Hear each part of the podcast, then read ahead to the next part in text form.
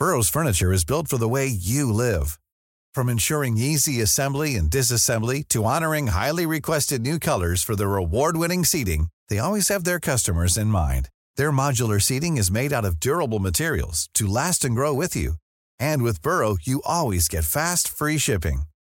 Get up to 60% off during Burrow's Memorial Day sale at burrow.com slash ACAST. That's burrow.com slash ACAST. burrow.com slash ACAST. Hey, I'm Ryan Reynolds. At Mint Mobile, we like to do the opposite of what Big Wireless does. They charge you a lot, we charge you a little. So naturally, when they announced they'd be raising their prices due to inflation, we decided to deflate our prices due to not hating you. That's right. We're cutting the price of Mint Unlimited from $30 a month to just $15 a month. Give it a try at mintmobile.com slash switch. $45 upfront for three months plus taxes and fees. Promo rate for new customers for limited time. Unlimited more than 40 gigabytes per month. Slows. Full terms at mintmobile.com. Historia som berättas Hej och välkommen till avsnitt 54 av Brottsofferpodden. Vi hoppas att ni fått njuta av solen och att ni mår bra. Avsnitt 54 är en intervju med Madeleine Onnela som är advokat. Fokuset för avsnittet kommer att ligga på barn, rätt och tvångsvård. Vi önskar er en god lyssning. Hej och välkomna till Brottsofferpodden. Mitt namn är Joakim Lindén Kastenbäck och jag är som vanligt med mig. Vanessa Delvalle. Och vi har äran att få hit Madeleine. Och vem är du? Ja, eh, ja, det är en stor fråga. Men professionellt så arbetar jag som advokat. Driver egen advokatbyrå och arbetar främst med det man kallar för så kallad humanjuridik. Det vill säga socialrätt, som är det vi ska prata om idag. Och framförallt med fokus då på lagen om vård av unga. Men jag jobbar även med brottmål och familjemål. Eh, de här områdena de har ofta olika saker som hör ihop med varandra. Så att jobbar man med det ena då glider man ofta in på det andra området också. Men är du försvarare till en förövare då också? Ja, det är precis. Det är inom brottmål. Eh, och det kan ju vara så, speciellt som idag, när vi har många unga som kanske kan vara föremål för tvångslagstiftning och för LVU. Så kan det också vara så att man är misstänkt för brott. Och då kommer man ju också in i egenskapen av försvarare för de ungdomarna ofta. Ja, du menar så att du försvarar dem i, i brottet, men sen så måste du också handla för att de är så unga, så kanske LVU-placerat? Ja, precis. Där kan man ha olika roller. Vi ska väl komma in lite på det lagstiftningen ser ut. Mm. Men om man är misstänkt för brott och över 15 år, då har man ju rätt att ha en offentlig försvarare. Och då är det så att om man även då samtidigt är föremål för socialtjänsten, att de vill helt enkelt tvångsplacera en eh, någonstans, då har man även rätt att ha ett offentligt biträde. Och då kan man komma in i den rollen inom den här lagstiftningen. Och när man är offentligt biträde, då företräder man bara vad den här personen vill. Okay. Då spelar det liksom ingen roll vad jag tycker eller så, utan då företräder jag bara min klient. Var det, här, var det här du såg framför dig när du utbildade dig till jurist? Ja, men både och skulle jag säga. Eh, när jag började på juristlinjen en gång i tiden, då gjorde jag det faktiskt för att jag ville bli polis. Okay. Eh, så att det var liksom min tanke. Och sen tänkte jag länge att jag skulle bli åklagare, jag sa ting. Men sen så kom jag fram till att det jag verkligen tycker om det är att träffa människor. Eh, och brottmål har alltid legat mig nära hjärtat. Och även brottsofferfrågor. Så då blev det mer naturligt att jag faktiskt började på advokatbyrå istället för att börja jobba statligt. Okay. Mm. Ja, jag är i alla fall sjukt tacksam att du är här idag. Och det, mycket av det här ämnet vi ska prata om är, är väldigt mycket på tapeten också. Ja, verkligen. verkligen. om ungdomar och hur de placeras. Och det händer mycket skit där ute liksom. Mm. Så det skriver mycket i tidningarna. Mm. Men jag tänkte att vi kan börja med, som sagt, hon ju, kan ju hundratusentals olika saker. Eh, men vi kommer att försöka fokusera på just socialrätt och hur man skyddar då i det här fallet barn mot stat kan man väl säga ungefär. Eller vad, vad tycker du om den förklaringen? Vad menas med socialrätt? Det är ett samlingsbegrepp kan man säga. Inom det så ryms ju exempelvis LVU, som jag då kommer förkorta, men det är lagen om vård av unga. LVM, lagen om vård av missbrukare. LPT, lagen om eh, psykiatrisk tvångsvård. Mm. Eh, så det är liksom allt där när staten går in med tvångsingripande. Och det är ju någonting som handläggs i förvaltningsprocess. Vilket är en ganska stor skillnad. Så det är förvaltningsdomstolarna som har den typen av mål. Om man skiljer från brottmål exempelvis, då är det ju en enskild som blir åtalad av staten, av en åklagare, men då är vi i tingsrätten. Och det kanske inte låter som så stora skillnader, men det är väldigt stora skillnader i hur man processer, alltså hur man driver de här målen. Är man i tingsrätt, då är det något som kallas för muntlighetsprincipen. Man går till en förhandling, en rättegång, man ska ha rätt att få reda på allting när man sitter där. Det finns också något som kallas omedelbarhetsprincipen. Så att man helt enkelt, man går till en rättegång och där kommer framförallt att tas den här processen. Medan i förvaltningsprocessen, då är huvudregeln egentligen att det är en skriftlig handläggning. Och den muntliga delen, som ibland är i de här förhandlingarna, de är mer ett komplement. Okej. Så det är lite annorlunda och det är annorlunda beviskrav också. Vilket kan vara väldigt intressant eh, också när man pratar om vad som ska bevisas i målet och hur det ser ut. Tack för fin, fin, bra förklaring. Verkligen. Och jag tänker, men eh, så... Det, mitt sammanfattande där då, att det är liksom barn mot stat, är det ändå ganska okej förklarat? Ja, jag skulle säga att det är enskilda, eh, där det är staten som ingriper helt enkelt. Så skulle jag nog säga, än att det är mer emot. Eh, det som framförallt när vi pratar om LVU, det är ju att det ska ju vara en skyddslagstiftning i tanken. De ska ju skydda, så det ska inte egentligen vara emot, även om det kan upplevas så. Sen så kompliceras det ju där också av att man ofta har vårdnadshavare också i de här processerna. Så att är det en lag om vård av unga, då har vi ju vårdnadshavare och så har vi de unga som det rör. Och så har man eh, socialtjänsten om man ska förenkla det på, på liksom andra sidan. Och där kan man ju tycka olika eh, i de här processerna. Ibland håller man med socialtjänsten och ibland gör man inte det. Och ibland håller barnen med och ibland gör de inte och ibland håller de vuxna med. Så där kan det också vara väldigt olika i hur man har inställningarna i målet helt enkelt. Hur man ställer sig till det här som man vill göra som stat. Men du som advokat då, lyssnar du på socialtjänst, lyssnar du på vårdnadshavare eller barn? Ja, men det är en jättebra fråga. Eh, jag ska ju vara helt oberoende som advokat. Det är en av våra kärnvärden. Och min lojalitet ska ju alltid ligga hos min klient och vad min klient vill. Sen har vi ju begränsningar, eller hur man nu ska säga, vi får inte göra allt som våra klienter vill. Vi får exempelvis inte främja orätt, vilket betyder att vi får inte ljuga i rätten exempelvis, eller sådana saker. Men om jag har en person som jag ska företräda, då ska jag ju lyssna bara på den personen.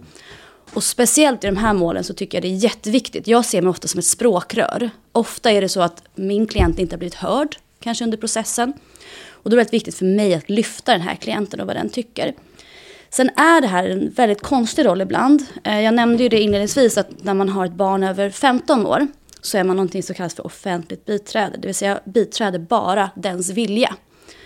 Och likadant är det när jag har vårdnadshavare. De är också som huvudregel över 18 och över 15 år. Då är jag också offentligt biträde. Då företräder jag bara föräldrarnas vilja. Eh, men det finns en jättekonstig faktiskt roll rent juridiskt i det här. Och det är när man företräder unga under 15. För de har egentligen inte, man brukar säga, de har inte full rättskapacitet. Vilket går in då jag som ställföreträdare och offentligt biträde för de här ungdomarna. Vilket blir en jättekonstig roll ibland. För att om ni då tänker att jag som advokat, jag ska alltid företräda min klient och dess vilja. Då kan jag ha en 12-åring, säger vi, som är väldigt mogen, eh, kan prata för sig och liknande. Och då kan den här ungdomen, eller barnet egentligen då, ha en vilja. Och då är jag offentligt biträde och ska biträda det också, föra fram barnets vilja. Men jag ska också i egenskap av ställföreträdare ha en egen uppfattning. Och det är inte alltid att de går ihop. Och det blir en jätteknepig roll. Och det är det många kollegor till mig också som tycker att det här är en konstig konstruktion. Det är enklare att ha den konstruktionen om vi säger att vi har en fem eller en sexåring. Då blir det inte riktigt samma överväganden. Men när vi har barn som är i liksom yngre tonåren, då blir det mer komplicerat. Och där är också en lojalitetsfråga. Att, tänk dig själv när du var 13-14. 13-14-åringar idag också, de är väldigt mogna generellt. Speciellt barn i de här processerna är ännu mognare. Eh, kanske också för det de har varit med om. Vilket gör att det blir jättekonstigt att jag ska företräda dig och jag ska berätta vad du tycker och tänker. Men jag kanske också kommer argumentera emot dig i rätten. Och när man är under 15 som huvudregel, då är man inte heller med i domstolen. Eh, Då får man inte heller på det sättet prata, utan då är det ofta jag som advokat som, som framför det den här personen vill. Men alltså kan det vara så att det blir två olika utslag om det är du som har hand om den här klienten och, och en annan advokat? För det, om jag fattar det rätt handlar det om att du ska ha rätt sorts värderingar hur en ungdom ska ha det, eller? Ja, utgångspunkten är att vi alla ska egentligen ha samma eh, kompetens eh, och samma tanke kring vad som är barnets bästa. Det är också en sån här rekvisit ändå i alla saker som rör barn. Eh, sen kan ju vad som är barnets bästa, det kan ju också variera hur man upplever och vad man har för erfarenhet kanske framför allt. Men det ställs ju särskilda krav på oss som arbetar med barnärenden. Så det finns krav då på vad vi ska ha för erfarenhet helt enkelt yrkesmässigt. Du får inte vara för några år sedan var det så att du kunde vara helt nyexaminerad biträdande jurist och få företräda barn. Men den här kompetensen, de har man höjt nu. Eh, vilket jag tycker är jättebra. För man behöver ha jobbat ett tag med det här för att se också eh, ja, för att kunna göra rätt övervägningar helt mm. enkelt. Och det jag tycker inte är en, just att det är så knepiga, man sitter mm. ibland på två stolar nästan. Och det är ganska knepigt hur man gör de avvägandena. Eh, ibland kan man också avstå som ställföreträdare från att ha en egen eh, uppfattning utan säger att jag lutar mig tillbaks, min, min ungdom är så pass mogen, kanske en 14-åring. Då kanske man avstår från det. Men att bara göra den övervägningen, det kräver ändå en viss erfarenhet skulle jag säga. Så det är bra. Så det är någonting som har ändrats faktiskt på senare tid. Ja, för det måste vara stor skillnad, ursäkta Vanessa. Men det måste vara stor skillnad kanske om det är en 25-årig kille, en ny exa då, mm. och en, eller en 50-årig trebarnsmamma. Men man får väl en viss annorlunda erfarenhet. Sen beror det på vad den personen har gjort i livet. Eh, det finns ju de som har barn som kanske inte heller tycker att de här målen är de roligaste, eller vad man nu ska säga. Eh, det nog tror jag handlar väldigt mycket om engagemang, ja. Eh, faktiskt. Mm. Jag fattar. Mm. Ja, um, jag tänkte bara en fråga som, vi säger att jag är barn då. Ja. Um, och har dig som min företrädare. Men jag är under 15, jag är 13. Mm. Men jag vill vara med. Får jag det om du upplever mig som tillräckligt mogen, säger vi? Ja, eh, jag tycker som huvudregel, eh, mm. och det tycker rätten också, att det inte är lämpligt när man är under 15 att vara med i rätten. Mm. Eh, det beror också lite på vad det här handlar om. Eh, är man exempelvis på paragraf 2, omsorgsbrister i hemmet, eller är det paragraf 3, alltså eget beteende, eller är det en kombination? Där får man göra en övervägning. Men har man ett barn som kan prata för som verkligen vill vara på plats, mm. eh, då är det ju någonting man försöker jobba för. Mm. Så att det är så att det här barnet upplever att den har blivit hörd. Mm. För det är ju någonting som alla barn har rätt till, att bli hörda i de här processerna. Mm. Och det tycker jag är jätteviktigt. Och det är någonting som jag, när jag har de här ärendena, mm. verkligen försöker lyfta barnets upplevelse. Ja, jag tänker lite kring bara så ett litet sidospår, men vid brottmål. Ja. Jag tror att jag var vittne när jag var under 15. Mm. Typ 14 ja. tror jag att jag var. Ja. Men då var jag på rätten. Ja. Du kan ju vara, om du exempelvis i målsägande tar vi som ett exempel. Mm. Eh, som huvudregel då, då ska man ju spelas in. Mm. Om vi då tar, eh, det här blir en annan process. Ja, eh, och det blir ju, eh, kan vara lite intressant att kanske komma in på lite senare. Mm också skillnaderna i beviskrav och hur man mm. processar. Men skillnaden är ju att som huvudregel när man är under 15, även i brottmålsprocesser, mm. så ska man inte heller vara på plats. Utan då sker det ju någonting som kallas för barnförhör. Mm. Man har ju speciella, och det här kanske har ändrats då om det var länge mm. sedan. Men om det är så att man som barn har sett saker idag, om man är under 15 år, då kommer man till någonting som kallas för barnahus. Alltså det är speciella... Ja, det fanns ju barnahus, men jag tror inte jag... Alltså... Ja. Ibland mm. när man är just 14 och där i gränslandet så mm. kan man ibland bli kallad att vittna eh, mm. också. Eh, och man kan också kallas som, som målsägande. Men som huvudregel så brukar man ha sådana uppspelningar, att man spelar okay. upp skivor mm. eh, helt enkelt som de spelar in på barnahus. Att det är ett förhör som, som spelas mm. in för att man ska mm. slippa komma till till domstolen. Okay. Mm. Ja. Men eh, ja, vidare då. Eh, bara lite generellt, jag tänkte kring lagstiftningen som finns. Mm. Eh, så här, vad innebär tvångsvård? Ja, eh, men man kan ju säga så här att när staten går in och vill tvångsvårda någon så har det någonstans blivit ett misslyckande. Eh, då har ju någonting gått snett. Det man vill Eh, det är ju att man helt enkelt ska ha ett samarbete, alltså socialtjänsten, om man har oro för ett barn eller en ungdom, att man kan samarbeta både ungdomen och eh, vårdnadshavarna kring vad som behöver göras. Och då kan man ju exempelvis, om vi säger att det är ett barn som rör sig i eh, kriminella kretsar, vilket kanske är väldigt aktuellt just nu, så kanske man har en väldigt hög oro för det här barnet. Och man vill kanske inte att barnet ska vara kvar i sin hemmiljö, utan kanske placeras på ett HVB någon annanstans i Sverige. Då kräver det ett samtycke, både från föräldrar och från barnet. Och det man vill, det är ju att det här samtycket ska, eh, ska ske och att man ska kunna göra det här frivilligt. För det är så ni säkert har hört, det är ju lättare att hjälpa någon som vill ha hjälp än tvärtom. Mm. Så det är det man alltid strävar efter. Och är det så att ett barn placeras på det sättet så blir det här som brukar förkortas som en, en solplacering, alltså det är en frivillig placering. Och det är det man egentligen vill. Det som kan hända, det kan ju vara dels att vårdnadshavarna inte tycker att det här barnet behöver placeras någon annanstans, att man tycker att det kan ske i hemmet. Att det är en felaktig problembild som socialtjänsten har. Det som också kan hända är ju att föräldrarna är med socialtjänsten och tycker att ja, men det är nog bra för Kalle att vara någon annanstans. Eh, och då säger, säger, Kalle själv att nej, eh, jag vill, inte, jag vill inte vara det, jag vill vara kvar i min hemmiljö. Det är ett så typexempel. Liksom. Och då är det ju inte frivilligt från den unge. Eh, och det är också lite intressant om vi nu pratar den här åldersgränsen runt 15. Så är det så att en, en femåring, för att ta ett exempel, kan man ju egentligen bara ta och plocka och placera någon annanstans. Eh, även om inte femåringen skulle vilja det. Men det blir ju att när barnen är i liksom tonåren och även när de är under 15 så i praktiken krävs det ju samtycke från dem också. Annars kan de ju bara flytta på sig. Liksom. Mm. Finns det någon ålder som är fastsatt när den är 13? Så... Ja, 15 är egentligen, det är samma ålder egentligen. Eh, att där krävs det ju ett, ett samtycke. Eh, men i praktiken så säger man att man behöver ha ett, ett så kallat tillförlitligt samtycke även när de är yngre än så. För att det ska kunna fungera med en solplacering i praktiken. Ja. Så även om man då har föräldrar som tycker att det här, är en, det här är en bra idé, socialtjänsten tycker det är en bra idé, men man har en 14-åring som inte tycker det, så kan det ändå vara skäl då för LVU. För att man mm. tycker att i praktiken behöver vi det här samtycket för att det ska fungera. Mm. Um, så att, ja, jag måste kolla det där vi pratade om lite. För att vi stämmer det att socialmyndigheterna och polisen de sammansynkar inte sina register va? Eh, och det, och det där är faktiskt också lite intressant för att där får vi en skillnad eh, om vi har en solplacering eller om vi har en LVU-placering.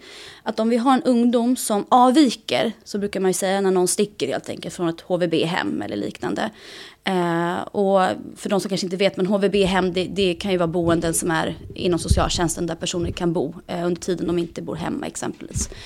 Eh, om de då avviker inom eh, solplaceringar då kan inte polisen automatiskt komma och göra en polishämtning. Då krävs det ju att man liksom anmäler här barnet försvunnet och liknande. Det blir en större apparat, det tar längre tid. Men har ett LVU eh, och en person avviker, då har polisen befogenheter att eh, plocka in det här barnet och sen föra tillbaka det till HVB eller liknande. Så där är det ju en samsynkning helt enkelt. Handlar det om att LVU blir den här som de har tagits förmyndare under tiden? Eller? Ja, det blir, det blir att då har de befogenheter ja. att liksom, tvångsplocka in helt enkelt. För man har helt andra befogenheter, även polisen, om det är ett barn som vårdas på det här sättet. Ja. Och det är ju det som ibland har varit nu. Det är många ungdomar som faktiskt avviker. Och då får du en annan auktoritet mm. med ett LVU. Eh, vilket gör att en del kanske börjar tendera, kan jag se, till att man gärna vill ha LVU på plats av just det skälet. Ja, och mm. det är väl inte superkonstigt heller. Jag tänker på mig när jag var ung. Liksom. Jag drog ju bara, alltså skulle aldrig stannat om jag hade fått ett, alltså så. Mm. Det, man är ju trotsig. Ja, verkligen. Men, ja, eh, jag tänker, vi har ju pratat om att LVU betyder lagen om vård av unga. Ja. finns tre rekvisit, eller hur? Eller tre förutsättningar som någon av dem behöver vara uppfyllda, eller hur? Eller två? Ja, det beror på lite hur man ser det. Men eh, man kan ju titta på att det ska ju vara en... Eh, det ska vara en påtaglig risk för barnet att mm. deras hälsa och utveckling eh, kan komma till skada. Eh, så kan man säga. Och de här olika riskfaktorerna, de är ju sagt lite olika om man tittar på paragraf 2 eller paragraf 3. Paragraf 2 i den här lagstiftningen, den tar ju syfte till omsorgsbrister i hemmiljö. Och då tar det syfte till att det är någonting eh, för det här barnet eller ungdomen som inte är bra. Och då är det ju mer hänförligt till vårdnadshavarna ofta. Så att det är omsorgsbrister om det här barnet. Mm. Och det kan ju vara olika helt enkelt. Det kan vara missbruk, det kan vara våld. Eh, det kan också vara att man eh, exempelvis inte ger ett barn, alltså försummelse. Om ni mm. tänker att man inte ger ett barn det den behöver. Eh, den kanske alltid kommer hungrig med för små kläder till skolan. Alltså den typen av omsorgsbrister. Och sen har vi, om vi då pratar om paragraf 3, då har man det här som brukar förkortas som eget beteende. Eh, att man har ett socialt nedbrytande beteende på något sätt. Och det kan ju vara att den unge exempelvis vistas i olämpliga miljöer, eh, begår brott, men även vissa typer av självskadebeteenden som inte kan liksom kopplas till någon eh, eh neuropsykiatrisk diagnos eller liknande. För där finns det också en begränsning att om man exempelvis har vissa diagnoser då anses det inte vara socialt nedbrytande beteende på det sättet om det enbart är hänvisat till en, eh, till en diagnos.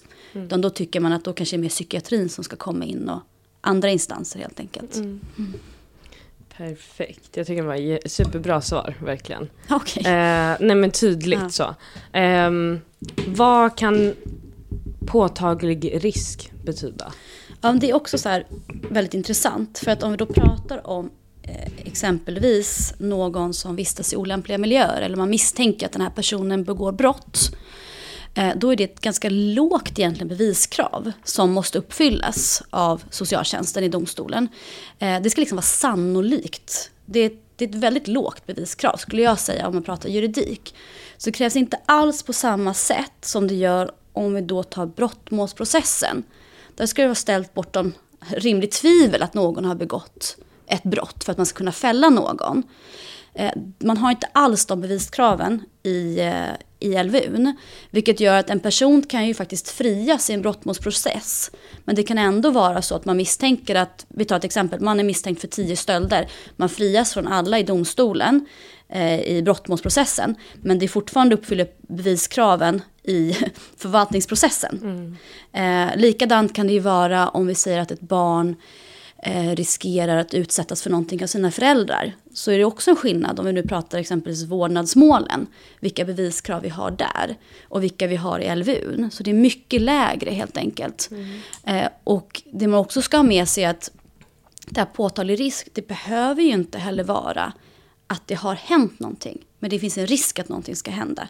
Och det är egentligen det hela lagen är till för att förhindra att det blir så här för barnet mm. framöver. Så att man ska titta på, det är ju riskfaktorer, men det är inte alls samma beviskrav. Och det är där det kan bli lite, lite knepigt om man inte har med sig det. När man då tittar på brottmålsprocessen och LVU-processen, att det blir lite, mm. ja. Mm. Väldigt intressant. Hade du någon fråga kring det? Nej, men jag förstår ju då, det är jättebra. Det, det är ju verkligen superbra mm. att försöka förebygga liksom. Såhär. Mm. Nej, ja, ja. jag förstod faktiskt klockrent. Ja. Jag tyckte hon var så perfekt podd. Jaha. Du borde skaffa en podd. Jaha, okej. Okay. Ja, Nej men så här, väldigt um, tydlig, bra röst och sådär. Verkligen. Vilka komplimanger man får här på lördag förmiddagen. Ja, det är väl lika bra. Um, ja. Påtaglig risk, sen tänkte jag lite på socialt nedbrytande ja. beteende också. Mm. Det begreppet kan ju också vara lite så här. Va? Ja, vad menar man med det egentligen? Mm. Ja, och det där är också, tycker jag, väldigt intressant. Det är också eh, ändrats lite bara senaste åren, vad vi tittar på. Eh, om vi nu pratar om det som är väldigt mycket media, eh, ungdomar som misstänks för allvarlig brottslighet, så har ju det här verkligen gått ner eh, i åldrarna. Alltså förut, om man nu skulle liksom hårdra lite, så var det ofta så att när det var paragraf 2, då var det barn liksom under 15, då var det brister i hemmet. När det var över 15 år, då var det mer kanske eget beteende. Alltså att man gör saker som man eh, liksom rent normmässigt så bryter det från normen. Det är egentligen mm. det man pratar om. Det ska gå liksom utöver det vanliga helt enkelt. Det man har börjat se nu på senare tid är att det här normbrytande beteendet, det har börjat gå ner väldigt mycket i åldrarna. Så att nu sitter vi liksom med det som vi kanske gjorde för några år sedan och de, de riskerna för ungdomar som kanske var 15-16. Nu pratar vi om, om, ungdomar som kanske är 11, 12, 13. Alltså det har verkligen ändrats bara de senaste åren, eh, om man nu pratar om det. Och det där är också lite intressant för att det glider ju ofta de här skalorna också lite över i varandra. Mm. Det är inte ovanligt att man har eh, ungdomar, det kanske har varit en paragraf 2 först. Sen blir det en paragraf 3. Alltså att man har haft brister i hemmet. Och sen blir det att eh, personen kanske inte mår så bra. Mm. Och så börjar man göra saker och så blir det en paragraf 3. Så det är inga heller vattentäta liksom, skott däremellan. Utan vi har ju också ganska ofta att man sitter med blandärenden. Alltså det är både paragraf 2 och paragraf 3. På samma klient. Ja, och då är det svårt också att se vad är hönan och vad är ägget. Eh, för det är också lite svårt ibland att se så här, okej men kanske omsorgsbristerna hos de vuxna kanske berodde på att det fanns en viss problematik hos ungdomen också. Att det är svårt att liksom vara och upprätthålla det här eh, föräldraskapet. Liksom. Eller var det så att barnet har utvecklat det här normbrytande beteendet just på grund av brister hos de vuxna. Eh, För det ser vi också, all forskning säger att barn som har varit föremål för tvångsomhändertagningar, de mår ju också sämre. Ja. Även i vuxen ålder, eh, tyvärr. Händer det att ni ser att det största problemet med den här ungdomen beter sig illa är föräldrarna? Och ungdomarna, ungdomen får hjälp, varför Mm. det är kanske lättare, men eh, får, även försöker man hoppa på föräldrarna, alltså hoppa på, försöka se till att de... Eh, ja, och där blir det också en skillnad då om man har just, nu tjatar de här olika paragraferna, men det blir också en skillnad för att om man pratar paragraf 2 och paragraf 3, så är det så att i en ansökan om LVU så ska det också alltid finnas en vårdplan. Så att man har brister i då hemmet eller eget beteende och så konstaterar man att ja, det finns det här. Eh, Då har eh, man alltid upprättat en så kallad vårdplan. Eh, Som man tycker att de här punkterna i vården, för det här är ju tanken att LVU ska ju vara vård. Det ska inte bara egentligen vara en inkapacitering liksom helt enkelt. Vilket vi kanske idag börjar prata mer om att de här ungdomarna som man är rädd ska begå allvarlig brottslighet, att de helt enkelt bara tas bort någonstans och så placeras de någonting, någonstans och sen så vad får de för vård under tiden? Det är det har varit mycket liksom, kritik också mot de här HVB och även SIS. Vad är det för vård egentligen de får under tiden som staten faktiskt har tvångsomhändertagit dem för att vårda dem. Men tanken är att det ska finnas en vårdplan alltid med olika punkter då som ska vara uppfyllda för att LVU ska kunna upphävas. Okej. Och då är det självklart skillnad att är det brister hos kanske framförallt föräldrarna, alltså paragraf 2, då är det ju en vårdplan som är inriktad mot också eh, kanske fa- familje, eh, familjeterapi, eh, mer den typen av föräldracoachning om man nu pratar så. Eh, Medan om det är paragraf 3, då kanske det är mer mot ungdomen. Man kanske ska eh, få, få till rutiner, sovrutiner, skola, sådana saker. Eh, så där blir också en skillnad på vilken paragraf eh, LVU grundar sig. För det tar sikte då på vårdplanen. Och vårdplaner kan ju vara mer eller mindre detaljerade eh, så, i hur man har utarbetat dem. Så. Jag måste, du nämnde SIS, så jag Ja. måste fråga, om jag säger SIS, tycker du det är en fungerande institution eller vad du ska kalla det? Alltså jag tycker att det är ett stort problem idag generellt om man inte riktar verkligen mot SIS. De har ju fått, det har ju varit ganska mycket larmrapporter om SIS. Eh, så jag har ju varit på väldigt mycket SIS-institutioner också i jobbet. Och, och det varierar kan man säga, Kan beroende du på vad man lite, är. ursäkta jag avbröt nu, men kan du berätta vad SIS står för, ungefär vad tanken med SIS är? Ja, tanken är ju att egentligen om man ska göra det väldigt enkelt för sig. Så SIS är ju liksom den sista utvägen helt enkelt för ungdomar som har, och det måste vara paragraf 3 ska tilläggas, som har ett så pass socialt nedbrytande beteende att de kan inte vara någon annanstans. Eh, och skillnaden om vi nu pratar HVB-hem är ju att på SIS är det ju en helt annan eh, säkerhet. Eh, Vi har ju också vissa SIS som är mer säkerhetsklassade. Vi har Johannesberg i, i Kalix och vi har Tysslinge i Södertälje som är liksom ännu säkrare SIS-placeringar. Men tanken är ju att det är ju mer låst. Eh, och det ska ju också egentligen finnas andra krav på personal och liknande. Men när man åker till en SIS-institution, det är ju som att komma till en, till en anstalt. Eh, beroende på vilken SIS-institution så är det olika, om man då ska jämföra olika klassningar på anstalterna. Liksom så. Men det är ju verkligen eh, ja, jag ska kanske inte säga fängelse, men det är så ungdomarna själva upplever det. De vill ju helst generellt inte komma till SIS. För att de tycker att ja, men då tar sig i fängelse. Och det, det många ungdomar också vet är att exempelvis om du nu döms för ett brott, då får du en helt annan, ofta tidsbegränsning av ditt straff. Medan eh, om man nu pratar LVU eh, och SIS-placeringar, då har man den här vårdplanen med kanske väldigt många punkter. Eh, och ibland kan det vara lite svårt att veta när kommer den här vårdplanen vara uppfylld. Eh, även om jag gör allting rätt ett tag så måste man också ha en stabilitet i det. Eh, så många ungdomar de vill ju verkligen inte hamna på SIS. Utan då är de så här, men jag sköter mig på HVB för att inte hamna på SIS. Liksom. Jag hörde att man får typ ett halvår i taget. Ja, det där är också lite intressant. Det är så här att eh, om man har ett LVU eh, så ska ju nämnden ompröva egentligen ska de göra det kontinuerligt. Så fort det inte finns skäl längre, så fort vårdplanen är uppfylld, då ska ju LVU hävas. Eh, men var sjätte månad så ska man göra en omprövning av det här. Liksom. Men det är ingenting som egentligen, det är inte så formellt som många tror. Det är inte så att det blir en domstolsförhandling automatiskt. Eh, så det blir det inte. Men däremot så ska nämnden och socialtjänsten titta på liksom att är det här någonting som ska fortsätta eller inte. Mm. Men, men i praktiken eh, så är det så att socialtjänsten kan ju tycka att det här ska fortsätta i flera år. Och då blir det inga domstolsförhandlingar.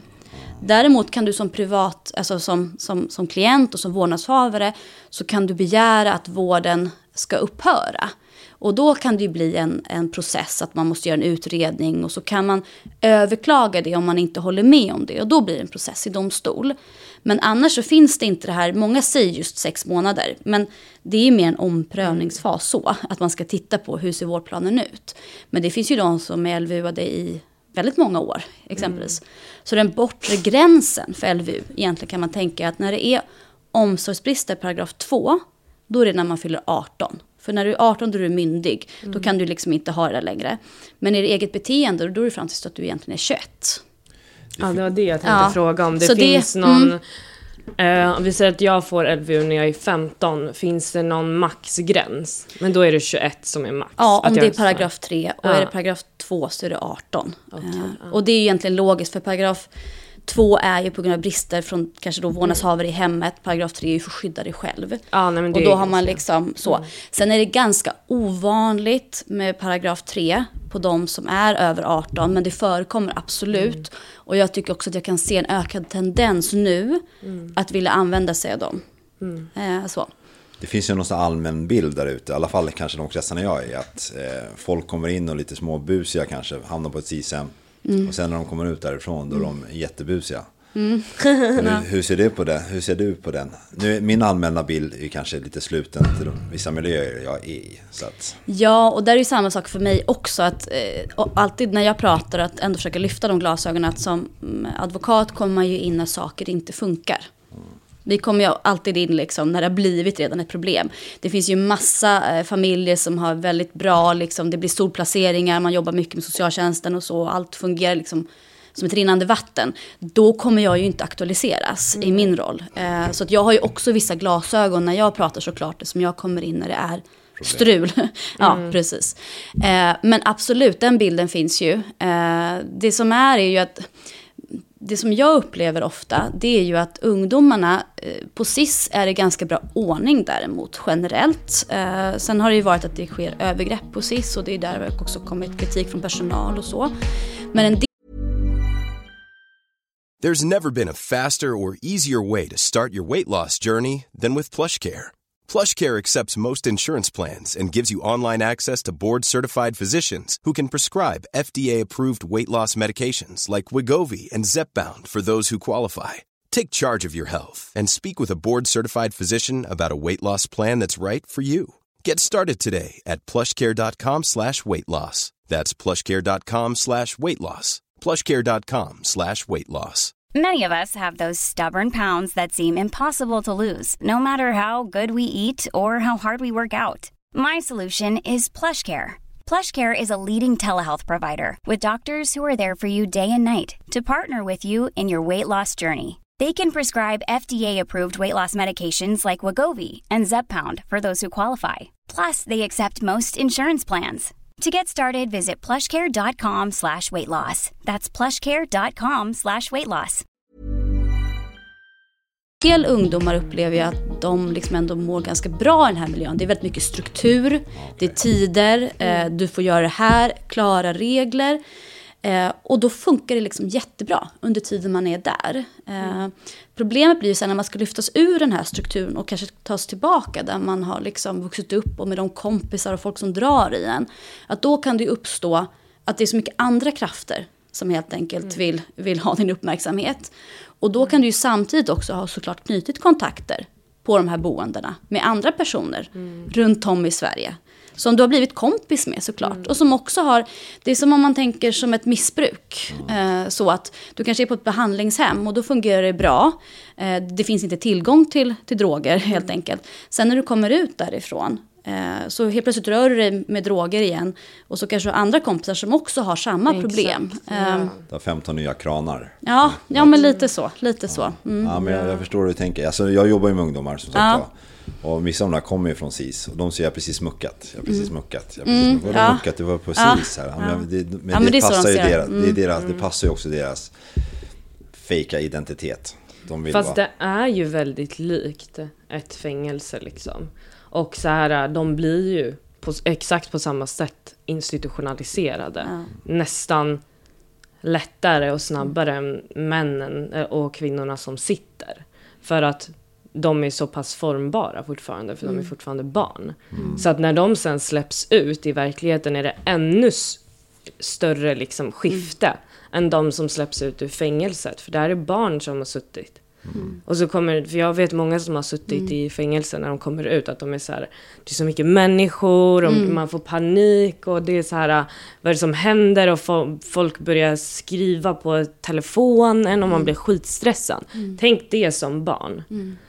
Då mår man ju piss. Alltså, just det här skiftet också. Ja, men jag tror du var inne på det också nu, det här med strukturen. Ja. Så här, jag har ju själv varit bakom låsta dörrar och den här strukturen gjorde det ganska bekvämt på något sätt. Så här, det blev väldigt enkelt att förhålla sig till saker. Och det är ju därför fängelsen i sig kanske funkar att ha sådana jävla stökiga människor.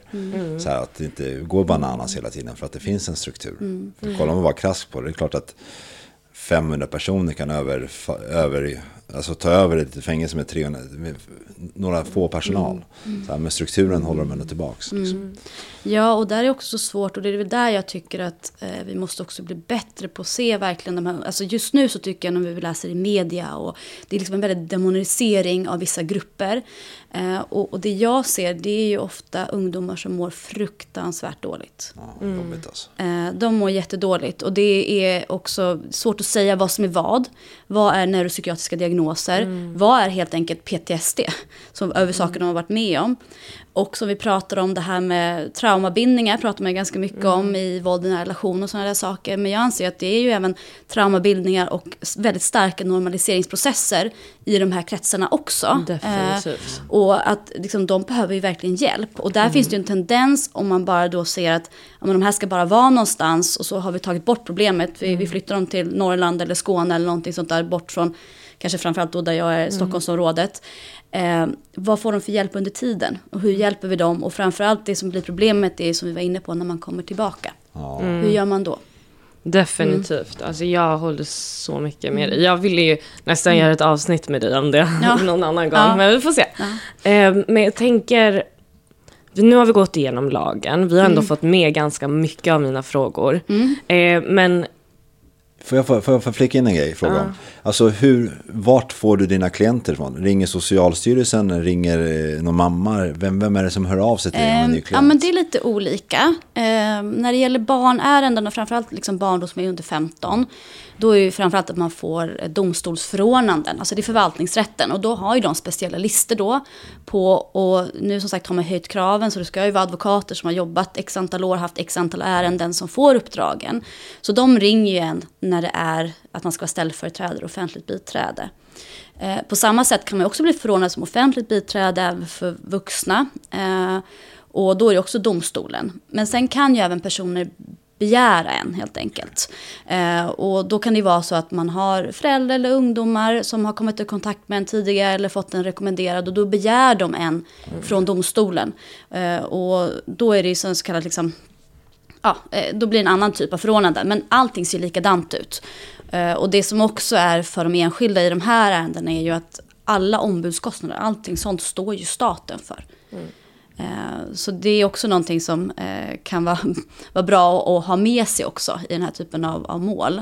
Eh, Och det är väl också därför som staten tycker jag, eftersom det är staten som står för de här kostnaderna så ska de ju också ha krav på oss som biträden. Alltså så. Men det där är också ett problem därför att vi är ju som advokater, vi ska vara oberoende, vi jobbar på våra egna advokatbyråer. Vi ska inte ha lojalitet varken med domstolen eller socialtjänsten. Det är jätteviktigt att klienten upplever att vi företräder dem och deras intressen. Eh, och då är det ju deras intressen i det här aktuella ärendet. Sen kan man ju ibland, och det säger jag ofta till mina klienter, att när vi pratar enskilt så kan jag vara så här att, eh, brukar skoja lite, men nu är jag djävulens advokat mot dig, de kommer säga så här, eller vad säger du om det här, hur tänker du om det här? Att man kanske ändå ifrågasätter sin klient, men det är ju någonting som man gör bakom stängda dörrar. Utåt sett får du bara backa din klient. Du får ju aldrig säga någonting emot eller som kan väga så. Men problemet är ju, och det har ju också varit ganska mycket media det här just nu, att det är ju ett ganska starkt drev mot socialtjänst och LVU och den typen av ärenden. Att eftersom vi då får ändå betalt av staten så blir det lite så här att folk tror så här, jaha okej men du är ändå statens advokat eller är du, är du verkligen oberoende? Eh, var får du dina pengar ifrån? Alltså lite så. Så det där är ändå lite både och. Eh, och någonting som är väldigt viktigt att förklara när man får ett ärende i början. Att det ser ut så här för alla. För även om du begär mig eh, privat, att någon kommer och vill ha mig, så är det fortfarande så att det är ändå staten som kommer ersätta mig, så att säga. Eh, Men där har det blivit, och det har jag märkt på senare tid, att det är mer, lite mer misstänksamhet också generellt, även mot oss biträden i det här nu. Eh, Så. Intressant.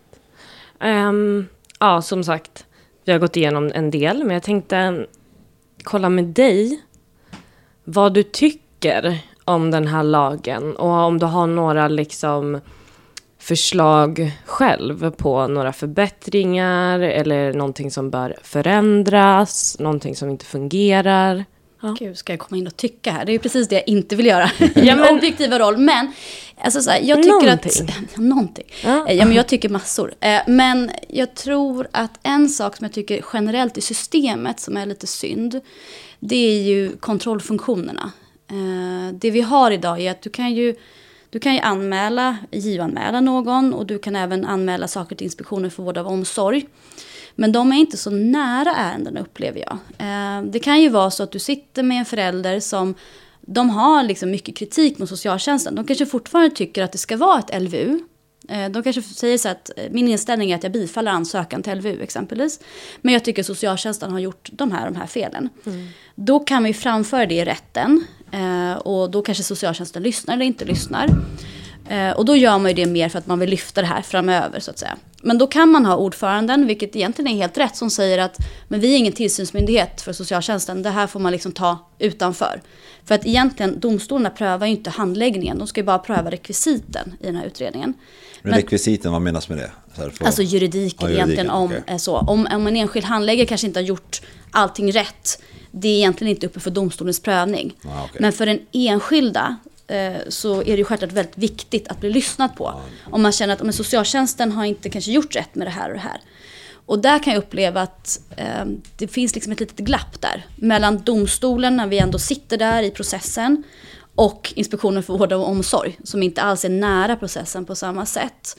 Att liksom ha mer en kontrollfunktion av hur arbetet sker, den tycker jag borde förbättras som en sak. Just för uppföljning, och det är också en sak att vi i alla myndighetsutövningar så kan det ske fel. Alltså den ödmjukheten får vi ha, precis som när det är i domstolar. Det, det är därför man kan överklaga domar och liknande, det är därför kan JO-anmäla. Att Det är väldigt viktigt för en enskild att ändå få känna att men det här var inte riktigt schysst. Liksom. Det här måste ändå komma fram. Ehm, annars kan det ju bli en misstro längre fram mot socialtjänst eller mot systemet. Att jag tror att den måste vi, som jag kan se att det här misstroendet har ju ökat. Att liksom, hur ska vi komma till rätta med det? Då kanske vi också måste lyssna på de enskilda. Så det tror jag är en sån sak, att liksom, hur ska vi lyfta det här? Sen så tycker jag att eh, någonting som vi måste bli bättre på, det är också som sagt uppföljningen. För att jag kopplas ju in då i samband med eh, LVU, alltså ansökan. Sen kopplas man in om någon vill upphöra ett LVU.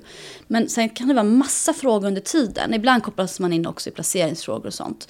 Men att under tiden och hur är uppföljningen och hur sker den här vården? Hur uppföljs den här vårdplanen? Alltså det som egentligen är tanken, att man ska vårda. Eh, Det tycker jag också att man borde öka på den, den tillsynsmöjligheten eh, på ett mer effektivt sätt än vad som kanske är idag. Och sen att vi måste också bli bättre på att lyfta barnens perspektiv i det här. Och då framförallt barn som är under 15, som inte har den här kapaciteten. Eh, och det är lite klurigt, det har liksom inte landat i hur man ska göra det. Men att jag upplever att i de fall det inte funkar så finns det liksom inte någon riktig visselblåsarfunktion för de här barnen att komma till tals. Eh, det de kan göra det är också att anmäla till Inspektionen för vård och omsorg. Men det är också tid eh, och kan vara svårt för någon helt Kunskap. enkelt. Ja, exakt. Ja, hur är, gör man som tioåring om man inte är helt nöjd med någonting som händer en? Det, Får du rekommendera dem att anmäla? Funkar alltså, det? det? som är lite svårt är att oftast är jag inte ens inne i de processerna. Om vi har ett barn som har blivit omhändertaget och som är där, man, man vill liksom flytta på barnet av någon anledning eller så, då är det väldigt svårt för barnet att komma till ett ombud ens. Okej. För då är den ju liksom hänvisad till sitt kanske familjehem eller socialtjänst och liknande. Att Barnen har inte en naturlig person att vända sig till. Och i de bästa fall, då har du ju en socialtjänsthandläggare som du kanske har följt barnet i många, många år. Barnet har ett förtroende, barnet ringer om det är någonting. Men i verkligheten så har vi en enorm personalomsättning. Eh, Det kan vara handläggare som ansvarar för barn som de aldrig ens har träffat. Exakt. Ja. Och då blir de här barnen otroligt utelämnade. Ehm, Och många barn har väl ett stort myndighetsfrakt? Men det är lite beroende på, men man kan väl säga så här att det är väl klart att det är lätt om man känner att vuxna bara försvinner hela tiden. Att man kanske får en anknytning ändå till en handläggare och sen eh, handläggarna har ju sina egna liv och privatliv och kanske ska göra någonting annat. Eh, och så byts det. Eh, och så byts det kanske kon- kontaktpersoner eller personal på BUP. Det är ju en väldigt... Det, är kan jag många se. Det är många människor som inblandas i de här barnens liv. Och det är klart att då slut, tänker jag att det är naturligt att man tänker att om jag får klara mig själv. Eller jag går till mina kompisar. Och sen Så blir vi det ju. förvånade över att det är så svårt att bryta de här kompiskonstellationerna. Mm. Som kanske inte alltid är de mest positiva krafterna heller. Men det är de barnen har, så att säga. Ja, det är, ju- med allt det jag precis pratat om tycker jag att vårdplanen borde ju nästan vara det bland det som prioriterar mest. Ja. Mm. Liksom. Så att det, Och, och det är också lite svårt, för när man sitter i rätten, då är man liksom presenterad vårdplanen. Man kan under handläggningens tid, det är ju en utredningstid och sådär, kan man försöka påverka vårdplanen. Men den är också lite svår att gå in i och försöka förbättra eller så. Eh, man som förälder kanske ser att men min ungdom har jag gissar att min ungdom har neuropsykiatrisk problematik. Men det är aldrig någon som utreder den. Eh, därför att man bara pratar om alla problem den ställer till med. Men man går inte till botten. Då kan det vara jättesvårt att bli hörd i de delarna ibland. Och så ibland är det jättelätt beroende på hur man samarbetar och sådär. Så att, Jag måste också ställa frågan, om man backar man tio år och tills nu, har antal fall ökat eller minskat? Om det har ökat, hur mycket? Liksom? Jag vet faktiskt inte hur det ser ut statistikmässigt om det har ökat. Min upplevelse är ju att det som har ändrats det är ju utifrån det jag ser att eget beteende, alltså paragraf 3 de har krypit ner i åldrarna. Och det jag också upplever är att LVU är generellt sett mer komplexa. Eh, Det är liksom mycket mer i dem, alltså mycket mer brister som görs gällande. Eh, Vi har liksom ganska många kanske omsorgsbrister i hemmet, också eget beteende.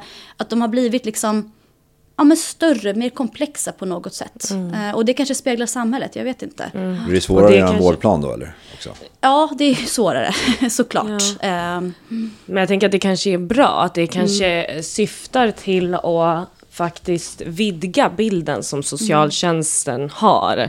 Att liksom så här, för att det forskningen visar är ju egentligen att det finns flera olika delar i ens liv som påverkar. Ja. Det är inte bara Nej. föräldra, föräldern eller eh, vännerna eller knarket. Utan det är liksom alla delar samtidigt. Och att den kunskapen kanske har bidragit till att f- man försöker liksom få med allting för att personen ska få till en ordentlig vårdplan. Sen är det väl i, i liksom ja, i liksom framtiden sen som det brister. Att man kanske har gjort det med mening, så här, utveckla allting för att se till att allt det här ska vara på plats innan barnet släpps iväg liksom, eller inte får någon mer vård.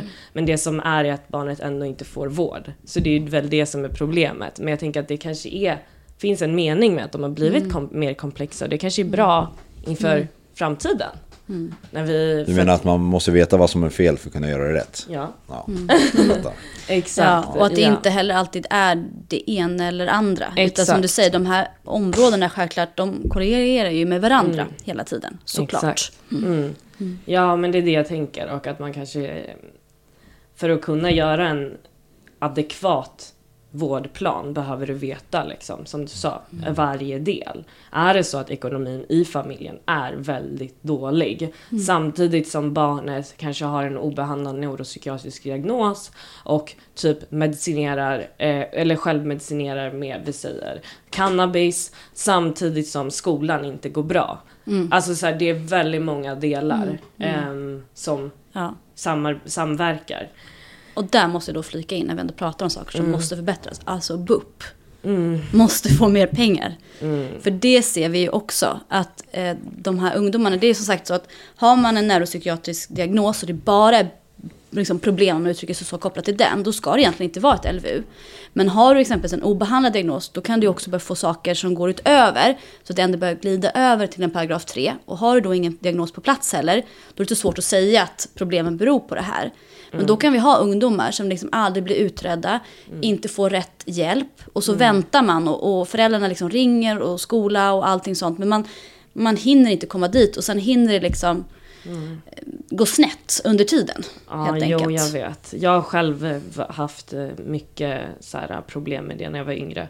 Sen blev jag ju utredd, men min fördel var ju att min mamma aldrig gav upp. Hon Mm. bara ringde och ringde och ringde och någon gång fick vi en tid typ så här, två år framåt för en Mm. utredning och hon bara skämtade med mig. Jag hade fått så här anmälningar hem och det hade kunnat sluta liksom kaos. Mm. Nu har det slutat bra för mig men jag hade en mamma som verkligen Mm. var på psykiatrin och eh, var så här, men om du inte får tid då kör vi privat. Det har ju också med ekonomin att göra. Mm. Exakt. Att så här, eh, för min pappa har ganska bra ekonomiskt så hon kunde alltid liksom vända sig till honom. Men tänk de här barnen som bor ehm, lever väldigt tight Mm. med ekonomin och allting. Det finns liksom, ja men då ska jag vänta två år tills det bara eskalerar och eskalerar Mm. och eskalerar liksom. Så att det är verkligen eh, bra att du tar upp det. Mm. Att, ehm, Ja, det är katastrof alltså. mm. Finns det några, om man säger eh, att eh, överrepresenterade, att i LVM så är det mest killar och LVU är det mest tjejer. Finns, det- finns det något sånt här eller är det typ ganska jämnt? Eh, om vi nu pratar paragraf 2, där är det ju blandat såklart. Eftersom där beror ju på alltså, mer könssammansättning i, i samhället så att säga. Eh, som det är då alla barn så att säga i, i alla eh, som beror på omsorgsbrister hos föräldrarna så att säga. Pratar eget beteende så kan man väl säga så här, jag har inte siffror på det heller, men att när vi pratar om eh, socialt nedbrytande beteende på grund av exempelvis att man rör sig i kriminella kretsar eller att man misstänks för brott, då kan vi säga att det är med killar. Okej. Eh, pratar vi om mer avancerade liksom, självskadebeteenden, att man, att eh, även, eh, jag tycker inte om uttrycket sälja sex egentligen, men om vi tar det som ett exempel, eh, då är det ju mer tjejer. Eh, så man kan väl, om man nu ska kategorisera någonting på något sätt, så kan vi säga att vi har väl det här könsstereotypa, att när det är utåt så är det killar och när det är saker inåt så är det tjejer. Ja, okej. Eh, Ja, ja, jag vet inte vad, ja, jag vet inte vad jag ska säga om. Det finns Ja. inget svar. Nej, eh, men jag tänkte att vi kan börja runda av lite. Men en sista så här, också lite, jag vet att du inte vill berätta vad du tycker. Men, men eh, eh, på Tidöavtalet så stod det ju lite kring så här, socialtjänsten, Just det. eh, den här flytten till hälso och sjukvården. Och eh, vi kan gå in lite mer på det, men jag som pluggar till socionom, vi har ju pratat mycket om det här. Och även våra lärare. ehm, Vanessa, ursäkta av men förklara för mig lite så att jag förstår. ja, men eh, ett förslag då från eh, ja, men partierna i riksdagen just nu är att det som socialtjänsten jobbar med eh, mycket kopplat till det här, men även så här missbruksproblematik och sådär, ska förflyttas till hälso och sjukvården. Var, var, vart finns det idag någonstans då? Idag är det ju hos socialtjänsten. Ah, okej. Så att eh, hälso och sjukvården har ju till exempel um, sprututbyten, eller nal- Naloxon. Ja, Ah, ehm, ehm, de ger ut Naloxon till exempel och det är om man till exempel överdoserar så är det en medicin som stabiliserar. Men det, alltså medicin och liknande går ju, ger ju, ges ju ut av hälso och sjukvården. Men alla de här behandlingshemmen och liksom de här sociala insatserna går ju via socialtjänsten. Ehm, och, de, och en liksom, tanke har varit att flytta det till hälso och sjukvården. Så alltså under liksom, regionen Ah, okej. Ja, men det istället. jag. Ja. Alltså just Tidöavtalet finns det ju väldigt mycket att säga om, kan Ja, man väl säga. Och eh, det man kan reagera på tycker jag, det är väl hur vi, apropå narrativ, och vad vi vill lägga våra pengar någonstans. För att Mm. egentligen politik handlar ju om pengar. Hur ska vi fördela våra resurser och på vilket sätt? Eh, och där tycker jag ju att socialtjänsten, där går man in mer i de repressiva åtgärderna, inte så mycket i det förebyggande arbetet. Eh, och där reagerade jag mycket när jag läste just den, att liksom, hur ska de här resurserna ens, liksom, varför har vi så lite? Vi behöver öka, jag tittade faktiskt på det, just anslagen, om vi tittar på hur det har gått exempelvis för kriminalvården, så har ju den skjutit i höjden de senaste tre, fyra åren. Medan socialtjänsten och hälso, hälso och sjukvård, de har ju bara, det har ju bara dykt där. Eh, och det är ganska intressant om vi pratar om det och var vi lägger resurserna. Men jag tror att ett problem generellt idag, det är ju att vi jobbar i stuprör. Att vi har liksom allting just uppdelat på det här sättet. Alltså jag skulle vilja ha och se mer holistiska lösningar. Att det varken ligger på socialtjänst eller sjukvård. Utan att har vi en ungdom som inte mår bra, att det är en helt annan typ av samverkan. Nu för tiden har vi ju SIP-möten. Exempelvis när det är ungdomar som inte mår bra. Och för de som inte vet vad det är så är det egentligen möten där man, där man kallar in olika professioner. Liksom. Det kan vara just skola, hälso och sjukvård, BUP och sådana där saker. Men jag skulle vilja ha mer ett sånt heltäckande arbete. Eh, det vill säga att man samordnar det på ett helt annat sätt. Så att problemet som jag ser det, det kanske inte handlar om var ligger de här resurserna under vilken, liksom, vilken kategori, utan mer hur får vi ihop de här. För det behövs ju ofta flera insatser som vi varit inne på. Det är ofta flera problemområden. Exakt. Så, mm. det stämmer. Eh, sen var det också i tidavtalet att åklagarna skulle få beslut om LVU. Också ligger det förslag om. Eh, och det vet jag att det kanske inte åklagarna heller, eh, ska jag inte uttala mig för vad de tycker, men jag tror inte att de tycker att det är så roligt heller. För att det är helt olika. LVU ska ju vara som sagt en vårdinsats. Exakt. Åklagarna ska driva statens talan och där pratar vi mer påföljder och straff. Och då börjar vi komma in i det här som jag har varit inne på att LVU ska vara en vårdinsats, det ska inte vara ett straff. Eh, Då blir det lite, det, det är två helt olika syften. Mm. Ja, jag Eh, håller och med. Där måste vi vara lite vaksamma på hur vill vi att det ska användas. Så att vi är tydliga med det. För det tror jag också är väldigt viktigt för de som blir eh, föremål för det här. Att det är en, en ärlighet och transparens. För det, det märker man ju. De här ungdomarna är ju ruggigt smarta. De kan ju se igenom saker Ja. och ting. Att ja, men ni vill ju bara ha bort mig ungefär. Ja, så de köper ju inte det. Men om man då säger att ja, det är så, det här är ett straff egentligen. Då får man ju säga det rakt ut. Eh, Men, eh, verkligen, alltså jag håller med. Jag tänker att vi rent generellt, vuxna människor, underskattar barn Ja. så himla mycket. Ja. Och det är liksom så här, till och med en yngre, ett yngre barn, sex år, Mm. förstår att så här, nu är jag hos random människor Mm. helt plötsligt. Alltså det är klart det blir skumt. Och att man verkligen måste alltså, prata med barnen, det är så jävla viktigt. Ja, verkligen. Mm, och få tillbaka förtroendet. För jag tror att vi har haft ett större förtroende tidigare faktiskt för staten och att det börjar bli lite sämre. Mm. Alltså jag, bör- jag börjar tänka på en annan grej som kanske inte har med det här att göra. Men eh, det är ju väldigt små barn som placeras i fosterfamiljer och sånt där. Har du, har du en del i det också eller? Eller sköts det allt inom Socialstyrelsen? Eller? Eh, ja, men om det är LVU, då kommer jag in. Eh, och då blir det ju den här rollen som ställföreträdare och offentligt biträde, paragraf 2. Ja, okej. Eh, och där kan det ju vara barn som är allt från 0, 0 dagar till liksom upp till 18 år som blir föremål för det här. Så det är ju, jag träffar ju barn och ungdomar i alla åldrar. Kan det vara, vi säger, nu, leker, nu är det ju inte fallet så, för alla som lyssnar så vet det, men vi säger att jag och min fru är riktiga pundare. Så här, vi knarkar, vi lever riktigt dåligt. Så här, och eh, skulle det kunna vara så att min ett, ett och ett halvåring då hamnar på ett LVU? För att på grund av, på grund av vårat beteende. Ja. Eh, du bara ja, säger Vanessa. Ja, eh, det, det som socialtjänsten skulle säga i första hand är att de skulle fråga er liksom att tycker ni att ungefär att det här är en bra miljö? Skulle ni kunna tänka er att frivilligt placera någon annanstans? Eh, och då om de säger att nej, men vi har inga problem och, och barnet har det bäst hos oss.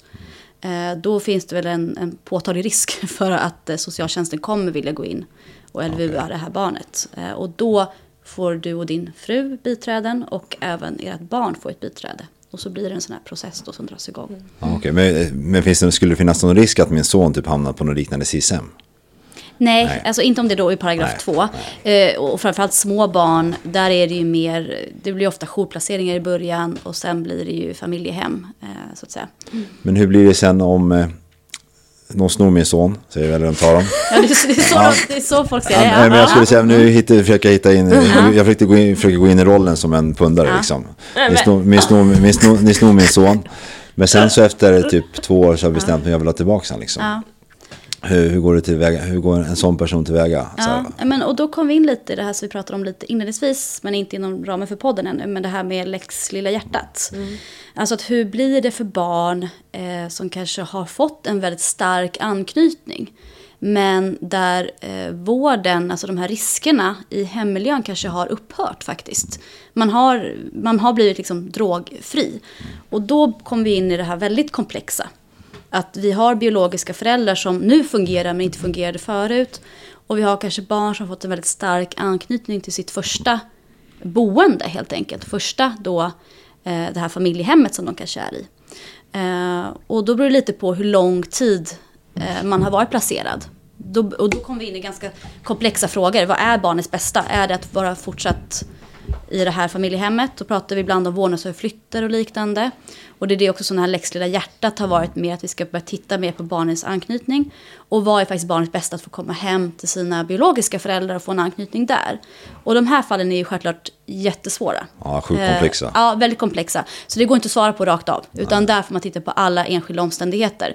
Men det har varit så att det har varit en väldigt starkt fokus på när vården inte behövs längre, då ska den upphöra. Vilket är egentligen syftet med LVU. Att allt LVU det ska ju syfta till en återförening.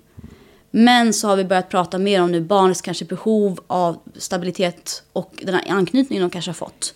Men där har vi en väldigt stark spänning mellan de här olika och väldigt svåra frågor juridiskt och också såklart för de inblandade. Vad som blir bäst för det här barnet. För det blir ju stora typ Facebook-domstolar här som kommer ut också och dömer. Jag, när jag sitter och läs, läser på Facebook och ser något sånt där, jag går ju igång som fan liksom. Eh, och tycker hur fan kan de göra så här hit och dit.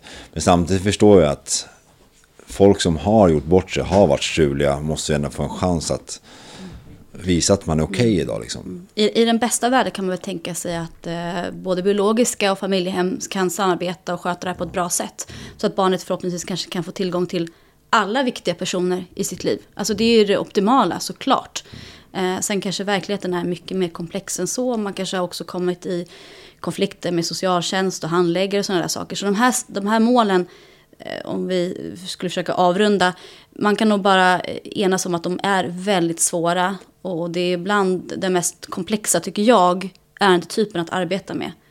Eh, men du som, har, du som kanske har varit en sån här, men du har ju sett väldigt lyckliga slut på de här grejerna också. Det är inte bara olyckliga slut, att barnet i fråga dör, om jag tänker på ett specifikt fall. Jaha, nej men alltså som sagt.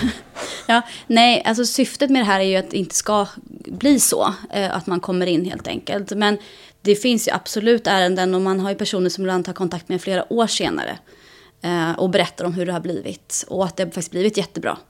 Eh, och att man liksom har kunnat hitta ett bra samarbete och, framförallt att det blir bra för barnet. Och de, det är därför man jobbar med det man gör. För att man vill ju se att det går bra för, för de enskilda som man, man träffar. Och förhoppningsvis bidrar med någonting positivt i, i den historien. Så att det kan bli bra på sikt. Ja, men det låter bra. Men om man eh, lyssnar på det här eller någon förälder lyssnar på det här och de tycker att allting du säger låter vettigt. Vad heter din advokatbyrå? Eh, advokatbyrån Onnela. Onnila. Ja, ja. Mm. Finsk påbrå eller? ja, min pappa är finsk. Precis, precis. Ja, du ser. Så, Så Onnela betyder ju lycka egentligen. ja, du gör det. Fint. Lycka på finska. Ja, alltså lite halv eh, direkt översatt. Utopi är egentligen det korrekta Ah, ordet. Ja. Ja, du ser. Ja, men fint. Ja, men Vanessa, jag tror att jag är klar. Ja, jag känner mig också klar och jag är ju jättetacksam över att du ställde upp. Och jag vill ändå ge ett, slå ett slag för din TikTok. ja, just det. Ja, tack. Ehm, ja, har- vi har ju dig på Instagram och TikTok, men, eller ja, jag kanske då mest, men ja. Ehm, jag brukar kika på din TikTok och jag tycker att det är jätte, alltså det är en ny ingång. Och ehm, väldigt nice att det är utifrån liksom en advokat också. Ehm, och väldigt viktig. men Så vad vill du säga vad du heter på TikTok? Eh, det är egentligen samma på alla sociala medier, Ja. så det är advokat Onnela. Mm. Ja, hybrisen är hög här. Men eh, det är lätt att komma ihåg i alla fall. Det finns inte så mycket Onnela liksom. Men, Nej, eh, exakt. nej, men tanken är ju att eh, jag har ju sagt eh, Instagram och lite sånt där, det är ett visst fokus. TikTok är ju mer, det är ett annat typ av forum. Mm. Eh, så att man kan ju faktiskt nå ut med andra saker där. Eh, som jag upplever ändå förhoppningsvis kan ge eh, personer någonting. Mm. Det är många unga på TikTok också, så Mm. det är ju perfekt. Ja, men det var egentligen bara det jag ville säga. En, en sista grej jag måste fråga, ser du ändå ljust på det här? För jag tänker på det, det snackas ju väldigt mycket om det här äh, gatuvåldet, skjutningar och allting. De väldigt ofta under 15 år, under 15 år, under 15 år. Ser du ändå att det finns ett hopp för att det ändå ska bli bra? Eller så- tycker du själv att det saknas sjukt mycket resurser? Och att vi bara står och trampar runt? Alltså jag kan ju se en oro över att våra narrativ är så svart och vita just nu. Och att jag ser också en frustration i att eh, jag, tycker att jag som, jag brukar säga att jag jobbar lite på golvet liksom som jurist. Jag ser ju saker. Alltså jag skulle bara vilja dra med våra politiker lite grann eh, på det jag gör. För jag har ju faktiskt förmånen att träffa väldigt mycket folk i väldigt olika situationer. Eh, jag gör mycket hembesök. Eh, jag är liksom på plats där saker händer. Och jag skulle önska att eh, våra politiker bara kunde följa med. Praoa hos mig. Ja. Ja, men verkligen. Också att man fattar. Alltså, för ibland så blir jag så här. Hur kan folk inte förstå att man kan ha två tankar i huvudet? Det är när jag pratar om till exempel förebyggande arbete, då är alla så här, ja men straffen då? Pratar man om straff så är det någon som bara, men förebyggande arbete då? Man är så här, men, men varför kan vi inte kombinera saker? Varför kan vi liksom inte samarbeta? Varför kan vi inte tänka att båda behövs finnas? Varför måste det vara liksom två läger hela tiden? Ja. Jag tyckte du sa det bra, svart eller vitt. För det känns ju väldigt, och det känns ju lite som att den här nya regeringen som sitter har lovat guld och gröna ängar. Och de vill bara få upp statistiken. Så, här, så att, men, men jag ska inte, jag... Nej, ingen politikerpodd, Nej, nej, nej, på någon. nej, Nej, men- nej. Kör blankt. Nej, men jag, jag, jag är en människa som tror på hopp. Alltså tror på hopp, tror på kärlek och, och tror på att det, framtiden är hoppfull. Så Ja, men jag tror väl ändå på att eh, de allra flesta människor gör så gott de kan eh, med de förmågorna och de resurserna de har.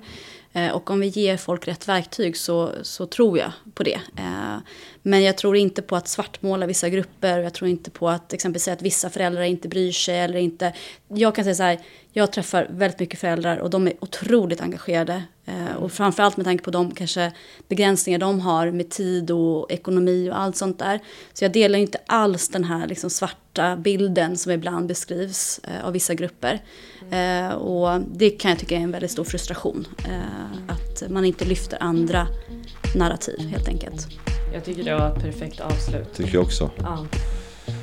Advokat Onnela, tack så jättemycket för att du dök upp här idag. Ja, tack för att jag fick komma. Tack. Tusen tack. Vi vill återigen tacka Madeleine Onnela för att hon har ställt upp på den här intervjun. Glöm inte att följa henne på hennes sociala, med, eh, sociala medier. Och eh, följ gärna oss på sociala medier också. Vi finns på Facebook, Instagram eller TikTok under namnet Brottsofferpodden. Har ni frågor eller funderingar, skriv gärna mail till oss på brottsofferpodden at gmail.com. Mitt namn är Joakim Lindén Kastnebäck och jag driver den här podcasten tillsammans med med nästa Del Valle. Ha det bäst!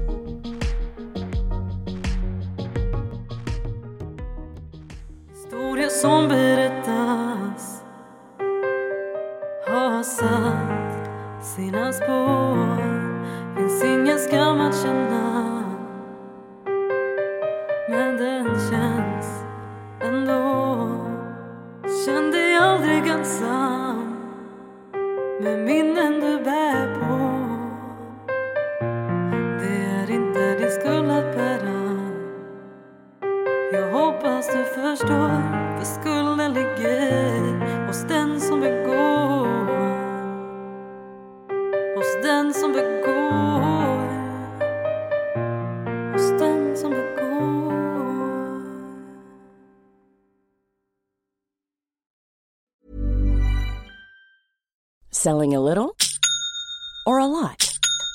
Shopify helps you do your thing however you cha-ching. Shopify is the global commerce platform that helps you sell at every stage of your business. From the launch your online shop stage to the first real life store stage, all the way to the did we just hit a million orders stage.